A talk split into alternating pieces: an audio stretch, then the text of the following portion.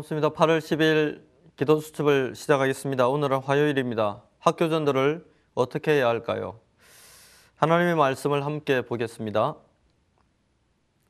어떤 사람들은 마음이 굳어 순종하지 않고 무리 앞에서 이 돌을 비방하거늘 바울이 그들을 떠나 제자들을 따로 세우고 두란노 서원에서 날마다 강론하니라. 아멘. 성령 충만을 받으면 전도 의 문이 열리게 되어 있습니다. 바울은, 두란노 서원에서 전도 운동을 하기 이전에 성령 충만의 축복을 먼저 회복했습니다. 우리가 전도하기 이전에 성령 충만을 회복하면 전도 임무는 자연스럽게 열리게 되어 있습니다. Remnant 7명은 열심히 일을 했습니다. 자기의 맡은 일에 최선을 다했습니다. 그러나 그들이 맡은 일에 최선을 다, 다했기 때문이 아니고 하나님의 성령이 역사했기 때문에 그들의 사역은 더욱 위대한 하나님의 일로 자리매김하고 남겨져 있습니다. Remnant 일곱 명은 성령 충만의 비밀이 얼마나 큰지를 알고 있었습니다. 그렇다면 우리는 어떻게 시작을 해야 할까요? 어떤 시작을 통해서 무엇을 하고 또 무엇을 찾아내어서 성령 충만한 비밀 속에 있는 전도 운동을 우리의 삶에 누릴 수가 있습니까? 첫 번째, 회당 전도의 중요성을 안 바울입니다. 바울은 회당에 들어가서 복음 운동을 했습니다. 회당이 왜 중요합니까? 회당은 지금으로 말하면 학교와 같은 곳입니다. 후대가 있고 랩넌트가 있는 곳입니다. 이것을 바울은 지속적으로 파고들어서 여기에서 생명운동, 말씀운동을 지속했습니다. 학교의 역할을 한 이 후대들이 있는 공간을 파고 들어가서 그들을 살리는 응답을 누렸습니다. 이러한 만남을 통해서 바울은 개인에게 정확한 해답 대신 그리스도를 증거하고 이 그리스도의 비밀 안에 있는 축복들을 전달했습니다. 회당 운동, 학교 전도가 얼마나 중요한지를 알아야 합니다. 한 명의 아이에게 복음이 들어가는 것이 얼마나 위대한지도 알아야 합니다. 한 사람에게 하나님의 은혜의 복음이 증거될 때, 전달될 때 어떤 축복의 역사가 일어나는지도 우리는 알고 있어야 합니다. 반면에 회당과 학교에 복음이 전달되지 않을 때 그들에게 무엇이 전달되는지도 알고 있어야 합니다. 그렇게 되었을 때 어떤 미래가 있는지 생각해 보셔야 합니다. 학교에서 복음 운동이 아닌 다른 운동이 본격적으로 일어난 1990년대 이후 학교에서는 이미 교권이 땅에 떨어져 버렸습니다. 학생들에게 무엇이 들어가는가? 학생들에게 무엇이 심기고 무엇이 담기는가?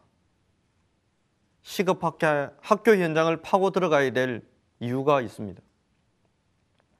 두 번째, 숨겨둔 제자를 찾는 것입니다. 하나님은 정확한 복음을 가진 사람이 하나님의 전도 계획이 있는 현장을 파고들어서 정확한 복음을 전달할 때 숨겨놓은 제자를 반드시 붙이시는 축복을 주십니다.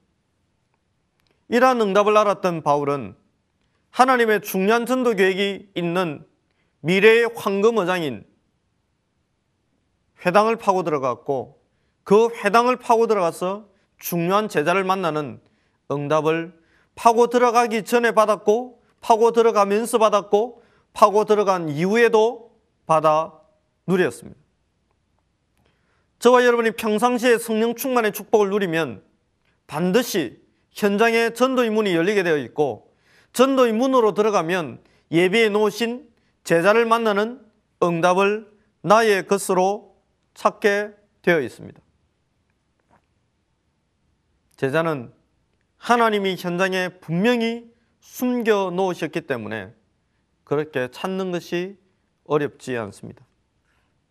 정확한 복음이 전달될 때 정확한 제자가 나오게 되어 있습니다. 세 번째, 그렇다면 무엇을 해야 할까요? 말씀 운동입니다.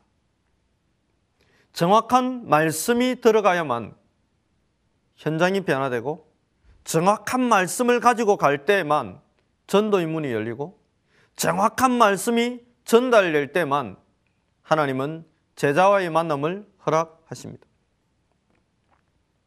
바울이 현장에 들어가서 이런 말씀 운동을 할 때 예수가 그리스도이시며 왜 십자가에 죽어야 하고 왜 부활하셔야 하는지를 정확하게 전달했을 때 헬라의 기부인과 많은 사람들이 힘을 얻었습니다.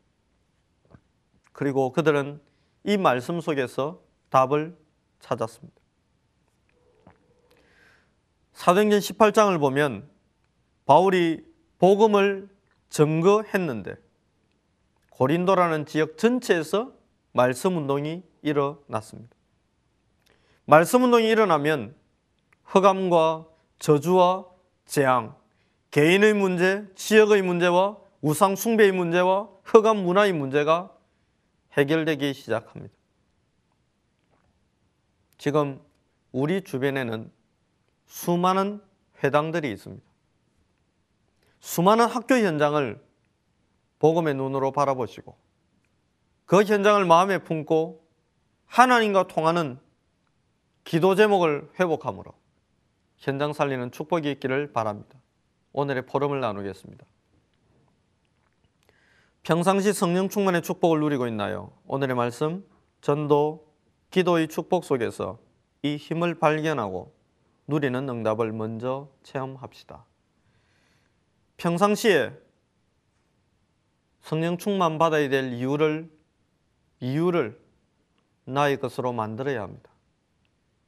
오늘의 기도 속에서 오늘의 전도 속에서 오늘의 말씀 속에서 하나님이 가지신 전도의 계획을 발견하고 그 하나님의 일을 이루는 성령 충만을 회복하시기를 그리스도 예수 이름으로 축복합니다. 기도하겠습니다. 바울이 가장 중요한 랩넌트들이 있는 현장을 파고 들어갔던 것처럼 오늘 우리에게도 그 회당을 파고 들어가야 될 이유가 나의 이유가 되게 하시고 그 회당에서 전달되었던 복음의 내용이 나의 유일한 내용이 되게 하셔서 제자를 중심으로 참 말씀 운동을 하는 축복을 누리는 복된 인생 되게 하옵소서.